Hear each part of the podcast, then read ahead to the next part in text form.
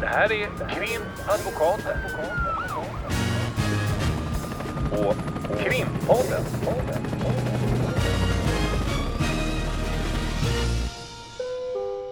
Parter och ombud kallas till sal 32. Hej Lotta! Hej Ulrika. Nu sitter vi här igen och ska podda. Förra gången så hade vi ju faktiskt den här eh, roliga livepodden Mm. ute på universitetet. Mm, Nu sitter vi lite mer ensamma. mm. Där Och- sitter vi som vanligt kan man säga. Ja. Men det var otroligt roligt med livepodd. Ja, det var kul eftersom dels så hade vi tänkt att prata in 30 minuter och så blev det väl typ 50 och sen Mm. när vi avslutade då höll vi på jättemycket längre tid eftersom det var flera frågor ifrån studenterna. Det som- var jättemånga frågor så Mm. att man inte ens, vi hann ju inte ens besvara även efteråt. Nej. Det var, nej, det var jätteroligt. Sen efter det, då, efter någon vecka kanske, Mm. då var vi ju eh, på advokatdagarna. Mm, först på juristdagarna och sen på advokatdagarna. Just det, och det är ju Advokatsamfundet som anordnar en gång om året eh, olika kurser för advokater och då fick ju du och jag tillfälle att ha en liten kurs. Mm. Och vad handlade den om? En föreläsning om tidiga förhör. En, och det, för de som inte vet, advokatdagarna är som sagt eh, det är två dagar som anordnas av samfundet där det är flera olika föreläsare och föredrag om, om vitt skilda saker i olika ämnen.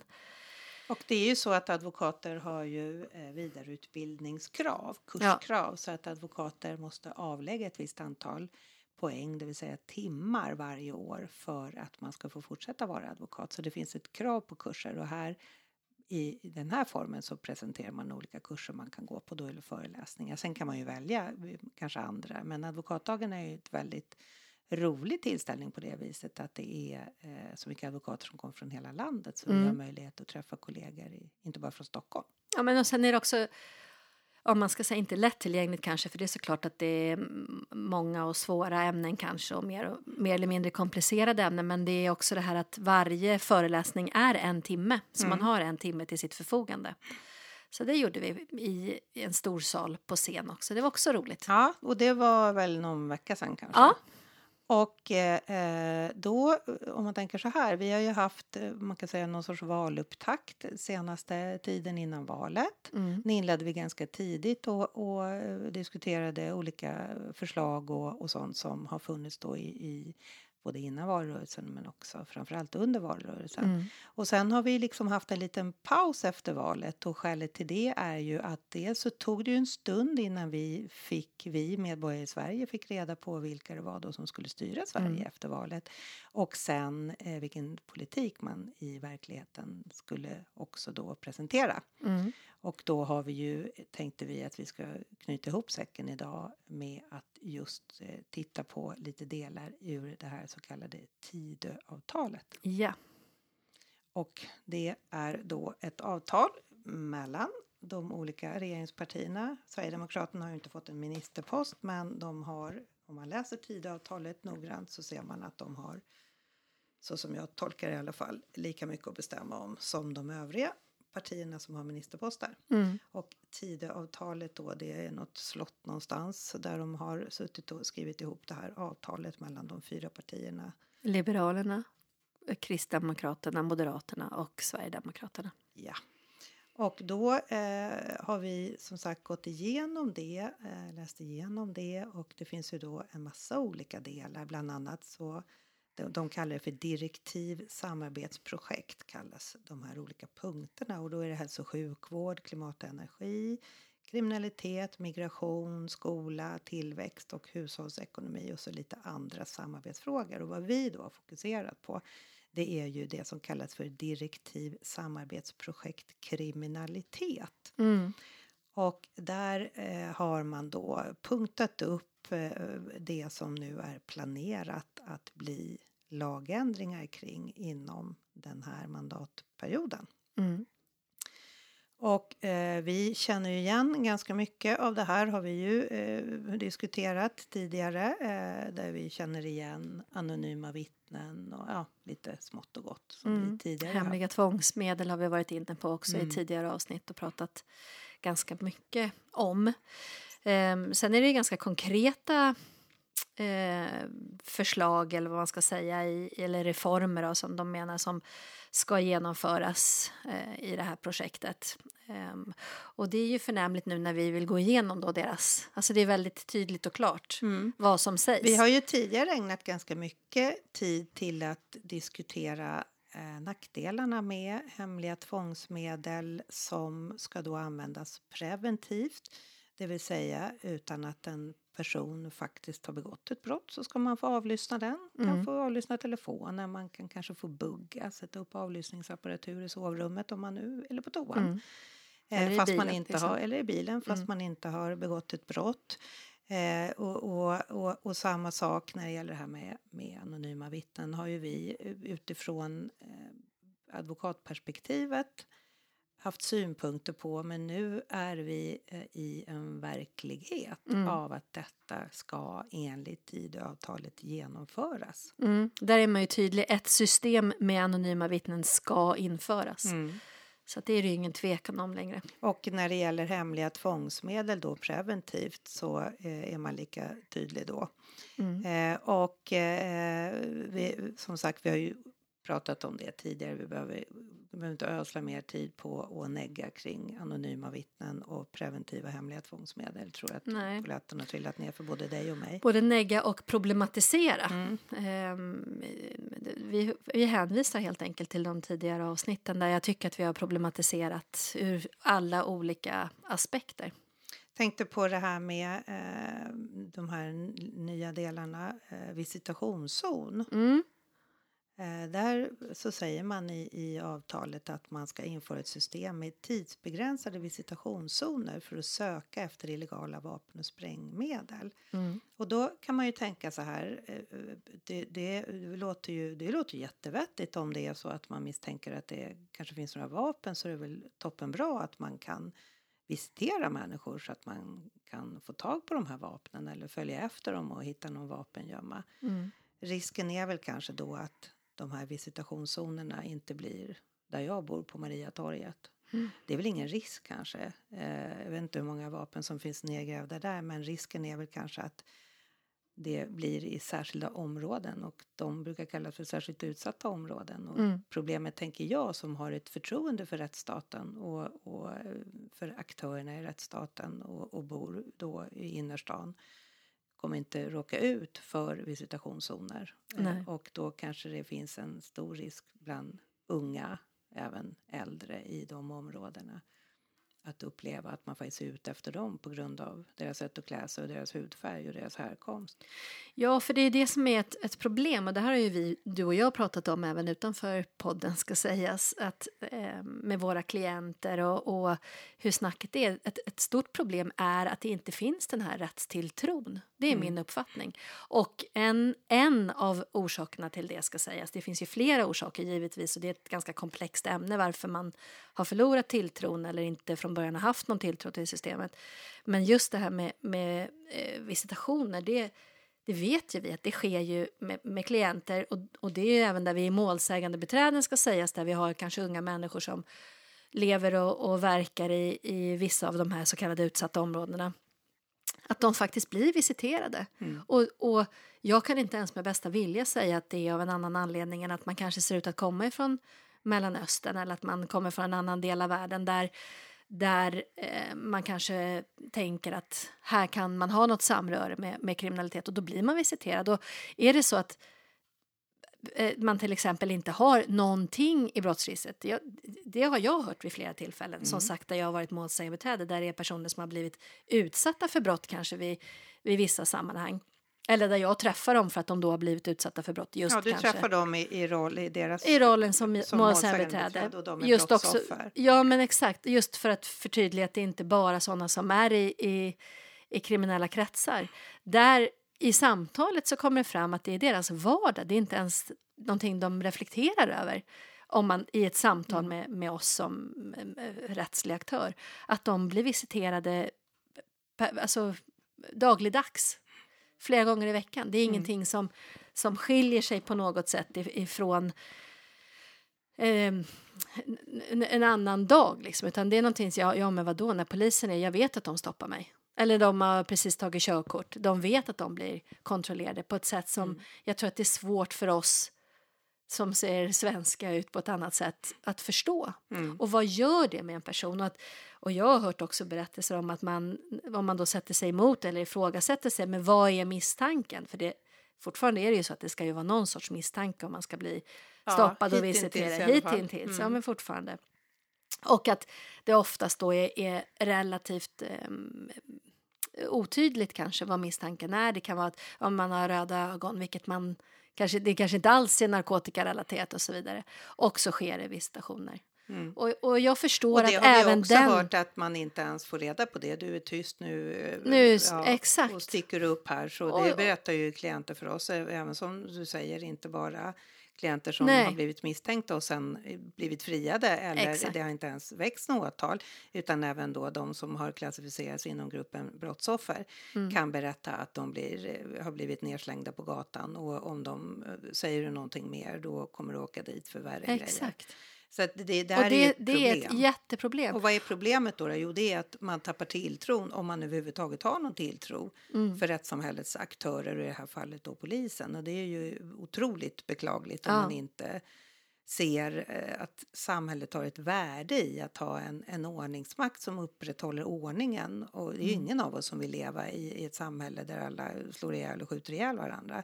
Nej. Och vi ska ju kunna tycka att polisen som när man var liten är, är snälla poliskonstapeln. Mm. Eh, Lär man sig in i ett system där man inte tycker det så har man ju inget förtroende för polis, man har inget förtroende för domstolar. Nej. Man har ingen, inget förtroende för staten som sådan och då kan ju den riskera att falla sönder. Exakt, det färgar av sig på alla Mm. delar i hela rättsstaten.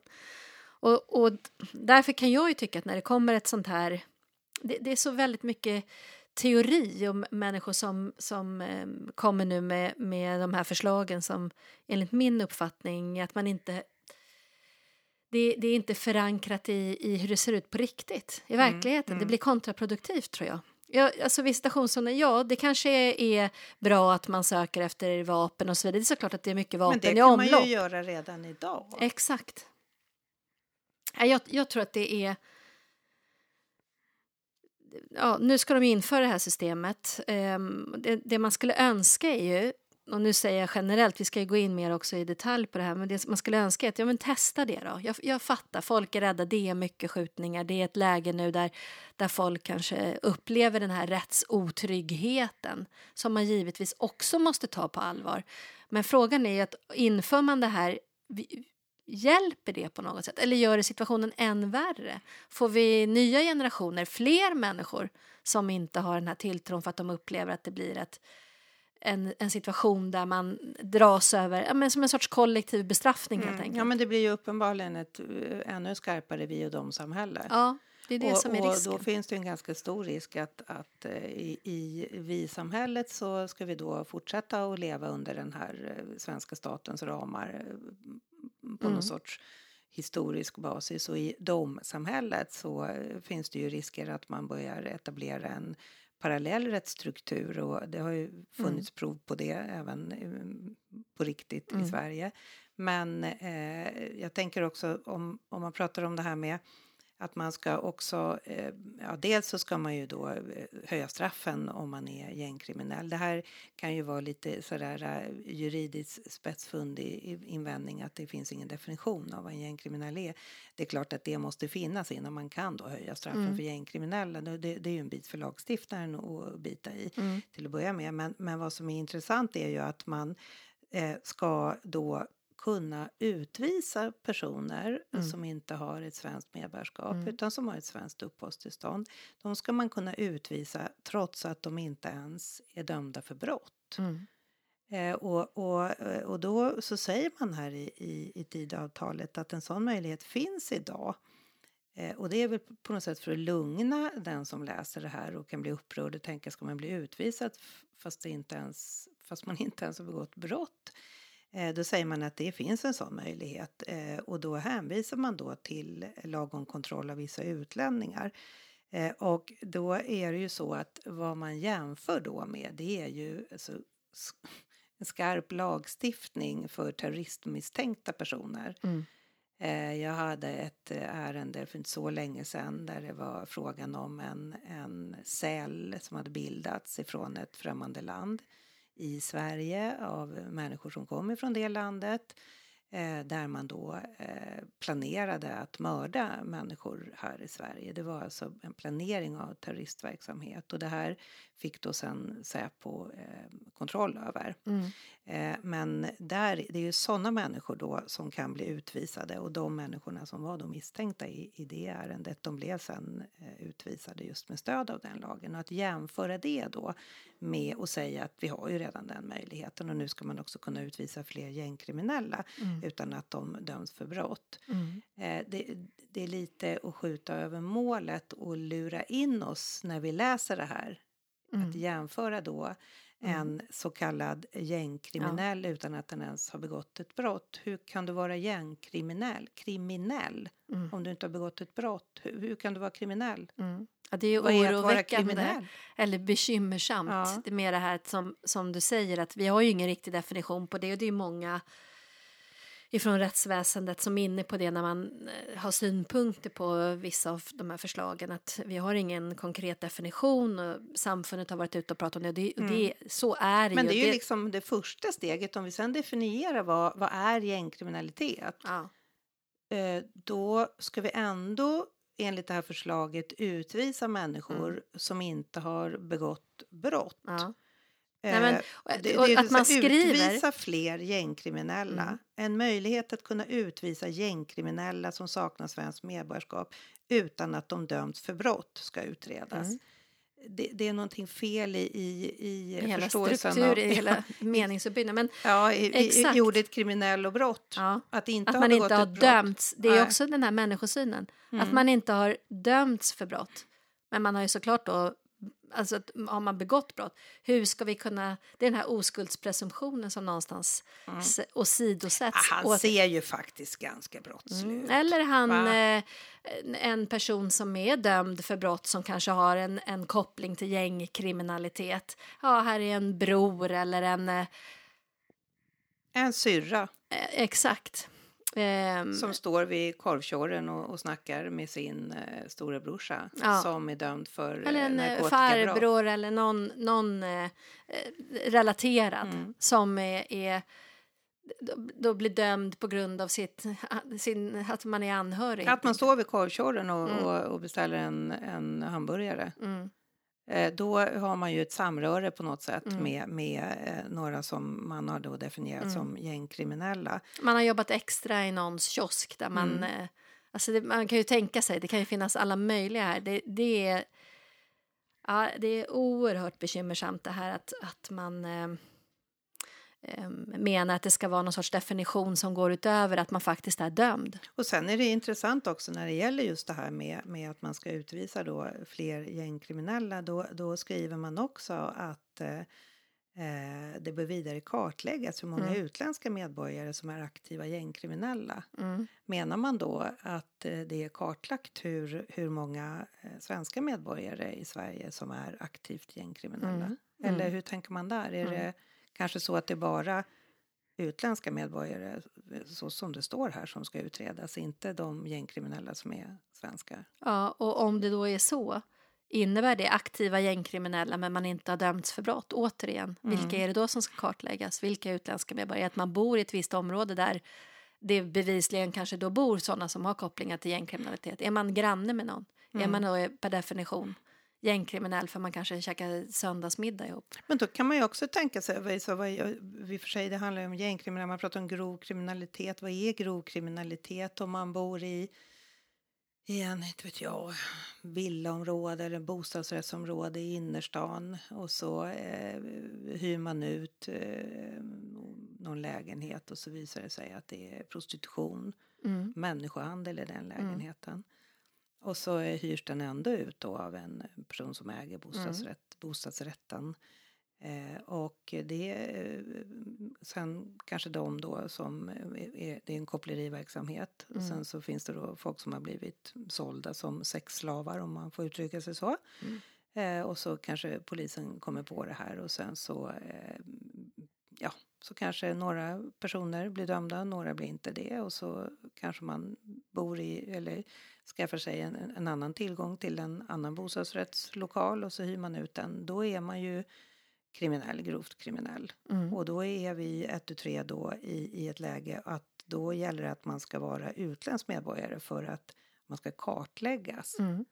Är, är, heter man Pelle Karlsson så kan man då kanske möjligen om man läser det här tvärt emot och fortsätter med sin verksamhet Mm. eftersom det inte ska kartläggas. Ja, det där är eh, kanske inga frågetecken om var, vilket håll eh, det kommer ifrån. Att det ska kartläggas just utländska medborgare. Att det, Nej, det är, Ska det, är- det är ju utvisas. klart att det måste vara Sverigedemokraterna som har legat bakom just den lilla Ja. skrivningen. Det, det kan man ju misstänka i alla fall. mm. Sen så är det ju det här med ungdomsbrottsligheten. Eh, Då vill man då föra över det huvudan, huvudansvaret för ungdomar.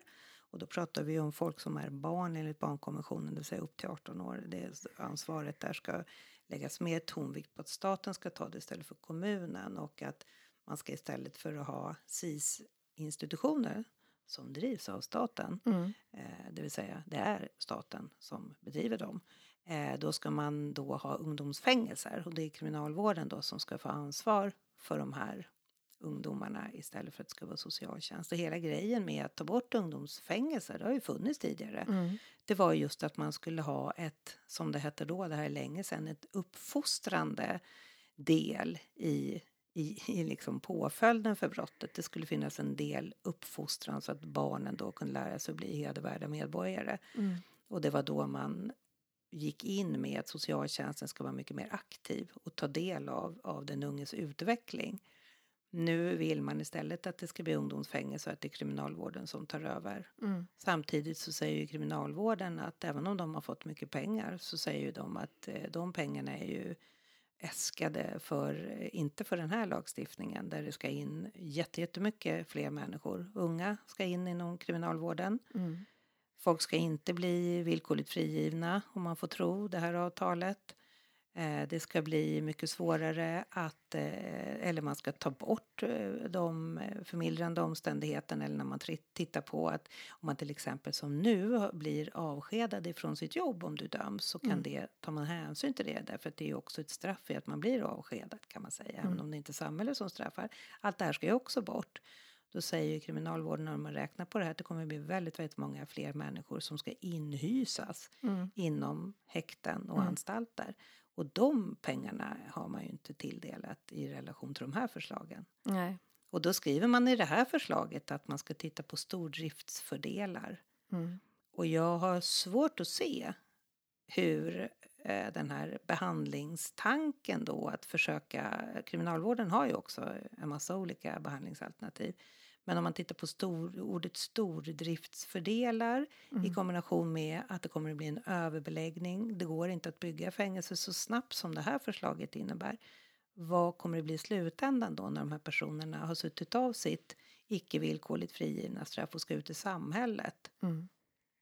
Det är inte så stor chans att man hoppar in i vi-samhället då. Nej, det är väl det att vi hittills har haft den synen att det finns en, en eh, alltså människosynen i att man eh, kan rehabilitera, att man kan återföra till samhället, att man har en strävan efter att eh, människor som har blivit dömda ska kunna bli goda samhällsmedborgare. Det låter så pompöst, men att det är det som... som ja, att man eh, får hjälp med att själv sätta sig på skolbänken eller själv skaffa sig ett jobb. Och, Mm. och det handlar inte om att, att, att vi har någon sorts tro om att samhället går ut och delar ut lägenheter och delar ut jobb. Det är inte det det handlar om, utan det handlar ju om att man ska få en hjälp att själv stå på benen. exakt. För att sen bidra Ja. skattemässigt med intäkter och med att man inte heller kostar en massa pengar genom att sitta på anstalt. Nej. Och därav olika utslussningsåtgärder Mm. för att man inte plötsligt bara, som det oftast skildras på film, jag tänker på att man bara plötsligt står utanför fängelseporten och så Ja, som Jönssonligan. ja men exakt, är även andra Kommer mer moderna. Vanheden och hämtar ja, den med, sladdar in med bilen där när Exakt. Sickan släpps ut. Utan att man någonstans ska ha påbörjat en, en eh, vanlig vardag där man ja, kan göra nytta för Och är det samhället. svårt kan jag tänka mig för kriminalvården utan alltså det är svårt att se, det är svårt att se att det här skulle liksom jag kan inte riktigt se hur det ska lyckas genomföras. Nej. Därför att, ja då ska man titta kanske på alternativa typer av, av anstalter. Mm. Och, eh, alltså när man läser det här som fan läser Bibeln så kan man ju tänka sig att det är kanske så att man ska hyra någon jättecontainer kanske och bara dumpa in folk. Mm, Man ska hyra platser utomlands bland annat. Ja. Mm. Eller Och det har ju också andra länder konstaterat. Jag tror det var Danmark väl som vi alltid ska hänvisa till att det är så bra i jämförelse med Sverige som väl eh, gick ut för någon vecka sedan med att gör inte det här. Hur som helst. Det är ju flera saker som eh, man kan diskutera i detta. Ehm, det som har lyfts mycket ifrån olika håll det är ju det här nya med vandel. Mm. Och där eh, kanske vi inte ska upprepa det såklart att det eh, finns eh, flera tankar ifrån vårt håll också. Hur ska man göra det här på något sätt? Hur ska man göra den bedömningen? Men det vi har pratat om ganska mycket är rent praktiskt. Vi var ju inne på det tidigare också, Vi, men- vi, har ju eh, på, eh, på byrån eh, har vi ju eh, kollegor som har en del så kallade utlänningsärenden. Mm. Där de är väldigt bekymrade över det här med att man ska kunna utvisa en, en utländsk medborgare på grund av det som kallas för bristande vandel. Mm. Det här, man gör ju vandelsprövningar när man bland annat ansöker om eh, svenskt medborgarskap. Då tittar man på om man är dömd och sådär. Men den här, det här förslaget, här handlar det ju då om att med bristande vandel så avses förhållanden, nu läser jag till här, såsom bristande regelefterlevnad, association med kriminell organisation, nätverk eller klan, prostitution, missbruk, deltagande i våldsbejakande eller extremistisk organisation eller miljöer som hotar grundläggande svenska värden eller om det i övrigt föreligger otvetydigt konstaterade anmärkningar i fråga om levnadssättet. Eh, och då ska man då eh, kunna titta då på om, om man ska utvisa en person på grund av då att man har brister i sin livsföring. Och då, eh, som sagt, de som arbetar med det här på byrån är, är ju ytterst bekymrade över och säger att det här är hur, till exempel om, om man ägnar sig åt prostitution så ska man kunna bli utvisad och det är ju jätteintressant för att om man ägnar sig åt prostitution så är ju inte det ett brott utan det är ju den som köper sex Mm. som faktiskt är brottslingen. Men här ska man då kunna bli utvisad om man är en missbrukande psykiskt sjuk eh, person som säljer sin kropp. Mm. Då ska man eh, kunna bli utvisad. Och vad tänkte du? Nej, men jag tänkte mer, vem ska göra bedömningen? ja. Och vilka ska administrera? Ska Både ska- bedömning ja, och, och utvisning vilken myndighet, eller ska det, ska det bli en särskild vandels... Ja, det blir väl Migrationsverket kanske, men vem är det som... Alltså, du, anmäler och... Ja, det är väl inte tänkt då att Migrationsverket ska gå ut eh, som organisation och, och kolla upp människor om de eh, pratar skit om Sverige eller om de prostituerar sig. Som du säger, det, det måste ju bli några som utreder det här. Mm, Polisen lär ju inte göra det, för det är inte frågan om brott. nej. Utan det blir någon särskild grupp då som, som man får eh, organisera. Staten organiserar en vandelsgrupp Ja. som då är ute bland människor, vi är ändå ganska många miljoner här i Sverige, och eh, kollar då att, att eh, de här personerna uppvisar en respekt i förhållande till grundläggande svenska värderingar. Mm. Det, jag har svårt att se liksom, tekniskt hur man... Skulle du vilja jobba den gruppen? Nej, jag är ganska nöjd med det jobb jag har. Men det, det, så det finns ju dels det, om man går igenom eh, de här olika delarna så, så finns det ju en eh, där man i vart fall kan eh, ställa sig något frågande till rent den, den praktiska administrationen. Det låter så torrt, men det, det är... Jag förstår ju vad, vad de åsyftar och vad man vill åt. Och jag kan tycka så att man läser också syftet bakom allt det här. Då, jag ska gå tillbaka till det, för jag tänkte på det att det är som alltid, att vi har ju lite samma... Jag tror att man alla i det här har väl lite samma strävan om man ska prata liksom mer grundläggande syfte att man vill att det ska vara en större rättstilltro, och att det ska vara en trygghet i samhället och att naturligtvis att inte ungdomar ska eh, hamna i gängkriminalitet och de här skjutningarna vi har, att vi ser att det går ner i åldrarna och så vidare. Och vi, du och jag har ju varit inne på det också att nu har vi ju gripit via Encrochattarna så sitter ju många av de här så kallade ledarna i olika gäng och det, det skjuts än mer nu så att det, det är ju uppenbart så att det är en annan typ av problematik och då och det här pratar man ju om från flera håll. Det är återigen det här de som forskar och vi som är praktiker och de poliser och alla. Vi säger ju lite samma saker.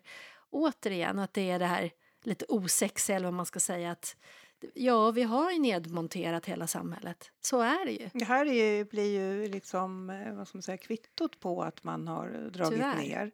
Och att Ingen... det då inte finns, mm, som, som du brukar säga, det finns inte Eh, ja, men det finns inga alltså, fältassistenter. Alltså, allt det här som... Det finns, inga, det finns inte vuxennärvaro oavsett om det är socionomer eller alltså SOS eller poliser eller utbildade poliser för den delen också som, som har en gedigen polisutbildning i, i botten. Och, och det finns inte sådana som är eh, ja, men fältare som hade för fritidsgårdar och så vidare. Det, och det är mycket svårare att, få assistenter i undervisningen om man inte hänger med Exakt. eller om, om det är för stora grupper som gör att det är svårt att hänga med. Alltså det är, det är ju det som du säger, det är ju ganska osexigt att sitta och prata om att man måste titta på förebyggande åtgärder. Ja, det är så. Det tar då, det sjukt ta många tid, år. Men problemet är ju att, att, som du säger, eh, med Encrochattarna, folk sitter ju inne nu. Ja. Och det fortfarande är till och med eskalerat skjutningar. Ju. Så att det, det är någonstans kan jag ju se att man, då tänker man så här, men nu måste vi akut göra massa saker här och då sätter vi hårt mot hårt och vi inskränker alla friheter, vi ska upp med kameror och vi ska alla de här, som vi säger, det här med avlyssningsmöjligheten och folk som inte är dömda, även de ska liksom vara i någon sorts... Men har du rent mjöl i påsen så behöver du inte vara orolig. Ja, men det, det, det var ju lite det jag var inne på också, det här att det är väldigt svårt att backa. Mm. Och, det, och vi, det, jag menar, det är vare sig du eller jag förnekar att det är såklart att det är oroväckande med alla de här skjutningarna. Sista siffran jag såg var 56 stycken i, i, i år hittills. Det är såklart att det är oroväckande på flera sätt. Mm. Men att komma till rätta med det, då är ju frågan om, om det här med ännu alltså hårdare straff och så vidare. Ja, kanske för en tid att då folk, just den personen inte är ute på gatan, men då kommer det en ny och det är det vi måste mm. hugga emot. Och då kan man ju hugga emot var ju kanske ett hårt ord också, men det är väl det vi måste ta bort liksom. Och då, då kan jag tycka att det här med förebyggande åtgärder, då, det, det är ganska lite om det i det här tidavtalet. Ja, det och, och det, är, det är sorgligt bara, för jag, jag tror ju faktiskt att folk i gemen, jag vill i alla fall tro det, vi vet ju det här, det är ju inte bara vi advokater som sitter här och snackar om det, alla, alla vet väl, som ungdomar säger, alla vet, alla kan. Men vi vet ju att det är det här som gäller. Jag tror inte, man kommer inte till rätta med det på annat sätt och då måste vi ha, det skulle ha varit 20 förebyggande mm. såna här förslag istället för massa bara göra det ännu Och då tänker värre. man ju så här, rent politiskt då så är det ju, ja det är nu är det en ny regering med ett nytt tidavtal och eh, tidigare hade vi eh, samarbetet mellan Centern, Miljöpartiet och Socialdemokraterna som är minst lika goda kolsupare, kanske något mindre om man jämför med Tidöavtalet. Men alltså det har ju varit en, ett sluttande plan. Mm. Det är ju ingen skillnad på hur, hur de regerande partierna de senaste åren har agerat. Nej man har dragit ner på, på eh, det som är de förebyggande åtgärderna. Ja. Och man har då istället eh, slagit på trumman för att ha mycket mera repressiva insatser. Ja. Men all forskning i stort beskriver just att det här är inte annat än plåster på cancer. Nej. Och, och det har vi också varit inne på faktiskt. Nu nämner jag Danmark här igen, för man hänvisar mycket till Danmark också i, i det här Tidöavtalet ska ju sägas och i, i media och i, från politikerhåll har man mm. gjort det. Och det har ju vi varit inne och pratat om också att ja visst, vissa av de här reglerna känner man ju igen ifrån från dansk rätt, men de har ju också byggt ut de senaste 20 åren det här eh, de förebyggande åtgärderna. Mm. Satsat väldigt mycket på att, att bygga ut det här mera ja, det sociala nätverket, den sociala kontrollen. Och Och det är där det- har vi ju forskning, ska jag säga, jag som Ja. har läst jättemycket kriminologi. Vi har ju forskning sedan 70 och 80-talet, social kontroll. Mm. Det, det är det. Mer än liksom själva övervakningen med, ja, med, med kameror och så vidare. Närvaro och eh, eh, professionalitet, där är man ju inne lite på, ser man ju så här, man ska göra en ny socialtjänstlag och Eh, man ska ehm, upprätta någon sorts nationell social insatsstyrka. Och det är säkert goda idéer, men det, det, och det, jag tycker att det låter spännande det som man eh, är i början på att formulera i det här Tidöavtalet. Men det, det som är intressant där, det är att alla de här andra som då är eh, med det här, ja men det hårdföra som vi var inne på här, det är ju väldigt eh, tydligt uttryckt. Men sen när man kommer till de här förebyggande, då är det det här att ja men och det ska vara ett nationalt som ska göra glömma. omvärldsanalys Ja. och lite mer löst i kanterna. Vad är Oerhört det? mycket mer löst i Ja. kanterna jämfört med eh, en reform som vi har kunnat notera här. En översyn just av kamerabevakningslagen.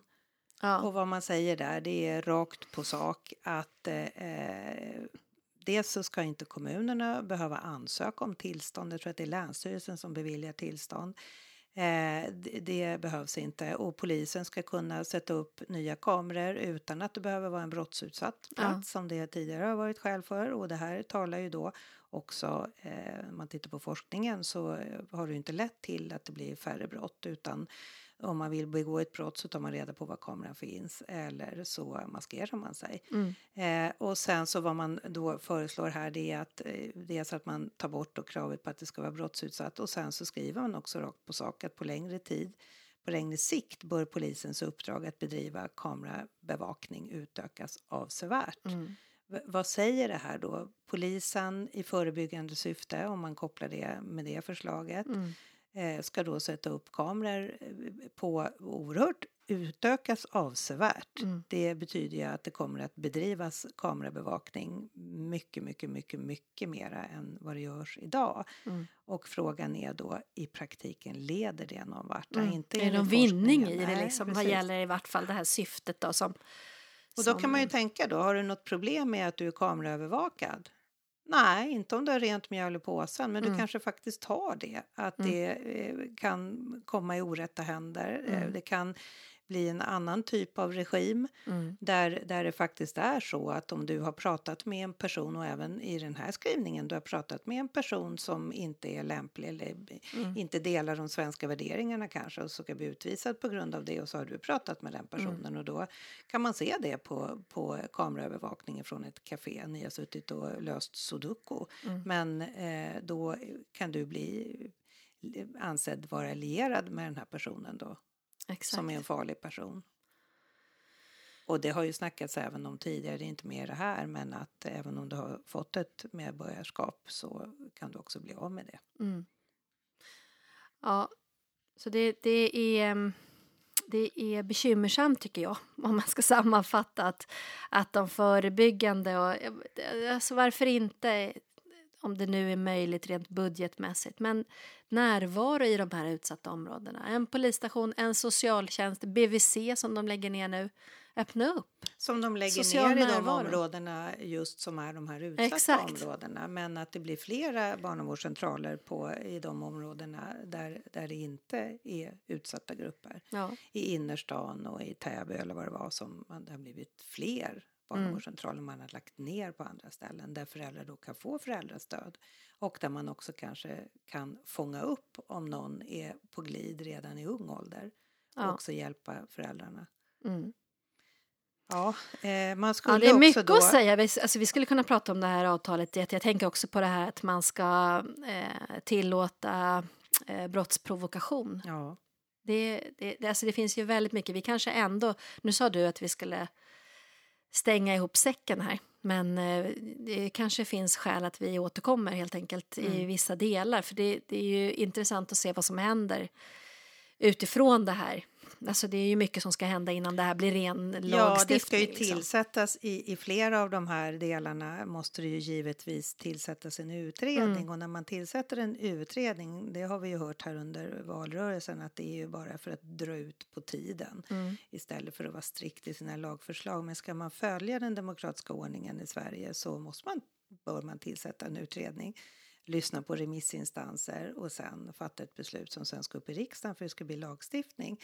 Eh, och det, det tar ju en liten stund, men Mm. vad som är intressant där det är ju alltid att läsa vilka direktiv utredaren eller utredarna får. Mm. Och står det rakt på sak att detta ska utredas och eh, eh, genomföras då behöver det inte ta så lång tid. Vi har ju flera utredningar, bland annat den här med anonyma vittnen där man ifrån utredarens sida faktiskt eh, inte ansåg att man skulle genomföra det. Mm.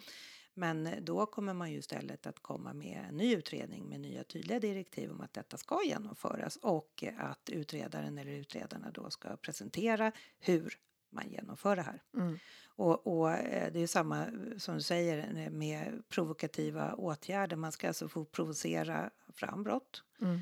Det är ju förbjudet idag. Det ju, kan ju vara lite knas med tanke Mm. på att det är, om man säger att man ska provocera fram ett brott, då begås det ju ett brott. Mm. Eh, Men då säger man att i synnerhet ska de här provokativa åtgärdernas användning gällande sexualbrott på internet beaktas. Och där eh, är det ju redan så. Det är ju inte riktigt det de är ute efter. Jag tror att de pratar lite i nattmössan här därför att det finns ju både journalister och poliser som Mm. har jobbat med det här Mm. som eh, kan eh, vara då en, en person som man utger sig för att vara en annan person för att se eh, män, hur människor agerar på nätet. Mm. Eh, och det är ju för att också kunna ringa in den personen, inte att provocera brott. Men eh, det, det sker ju redan. Mm. Men problemet är ju att det som vi alltid landar i att man urholkar det som är som rättsstatens fundament genom en massa olika förslag och det är Ja. svårt att backa sen när man tror att man har fått ordning på det här. Jag tror att det är omöjligt att backa. Ja. Man, man förskjuter hela tiden gränserna och, och det är svårt även för oss att se var landar vi i slutändan. Om det nu Och vi finns har ju varit en stat där vi har, vi, vi har ju varit omtalade. Jag som jobbar med mycket alltså olika organisationer eller mänskliga rättigheter och varit ute i världen. Eh, dels eh, ja, i, i olika organisationer. Vi har Mm. varit på många ställen i världen som observatör för rättegångar och även träffat advokater och, och misstänkta och varit på fängelse i en massa olika delar av världen Mm. i olika projekt. Där har det ju alltid varit så att Sverige har betraktats som, eh, som någon, en, en stat som man kan sträva mot att få vara Ett som. föredöme, Bli ett liksom. föredöme. Mm. Och, och nu när, när politikerna då säger ja men vi kan göra som i Danmark eller vi kan göra som i, ja du, man kan titta även utanför Europa Mm. finns det ju en del av de här förslagen, behöver inte bara titta i Europa. Mm. Vad innebär det då att vi kanske ska snegla på hur Kina gör? Mm. Där man eh, spärrar in advokater som försvarar människor därför att man anser att advokaten begår ett brott när den försvarar en människa Mm. som anser att den är oskyldig. Så det, det finns ju en massa problem i det här att man säger att vi kan titta på andra länder och vad är det som säger att Sverige måste vara så himla top notch när det Mm. gäller det här. Mm. Ja, det är ju att, att vi, vi tappar ju en del i, i det som är, vi är ett litet land med få människor men vi har ju haft en, vi är ju omtalade för att vi har en, en robust rättsstat. Mm. Och varför ska vi inte fortsätta med det? Varför ska vi inte känna att vi ska ha en, en stolthet i det? Mm. Och istället montera ner det här så att vi hamnar i den lägre ligan. Mm. Vad vinner vi på det? Ja, vi Mm. lär ju inte få slut på skjutningarna. Det är inte vad jag tror i alla fall. Nej, det är det jag menar. Att man uppnår nog inte syftet. Och det tycker jag vi redan idag har svar på som sagt eftersom vi ser att det eskalerar snarare. Och då, Mm. då måste man ju till exempel börja lyssna på forskarna och på praktikerna och alla de som är involverade och som faktiskt vet och kan runt omkring. Mm. Och, och det, min upplevelse är väl tyvärr att de, rösterna inte har fått så mycket genomslag i, i det här avtalet. Men vi får väl se vad som händer och då tycker jag vi börjar avrunda. Vi börjar avrunda. Vi börjar avrunda Hur börjar genom, man att säga, ja, och genom att säga att vi kanske inte stänger den här säcken som sagt utan Nej, att vi, vi kommer nog ha skäl att återvända. Och det tror jag också är, är bra. Vi måste på alla möjliga sätt eh, påminna om vad, vad som kanske är ett bra samhälle för och alla. titta på eh, när det kommer utredningar kring det här. Det borde ju komma ganska snart direktiv eh, Mm. kring hur, vad det är som egentligen ska utredas i det här tidavtalet och se eh, hur direktiven ser ut. Mm, då rapporterar vi vidare. Det gör vi. Mm. Hej så länge! Hej hej! Krimpodden.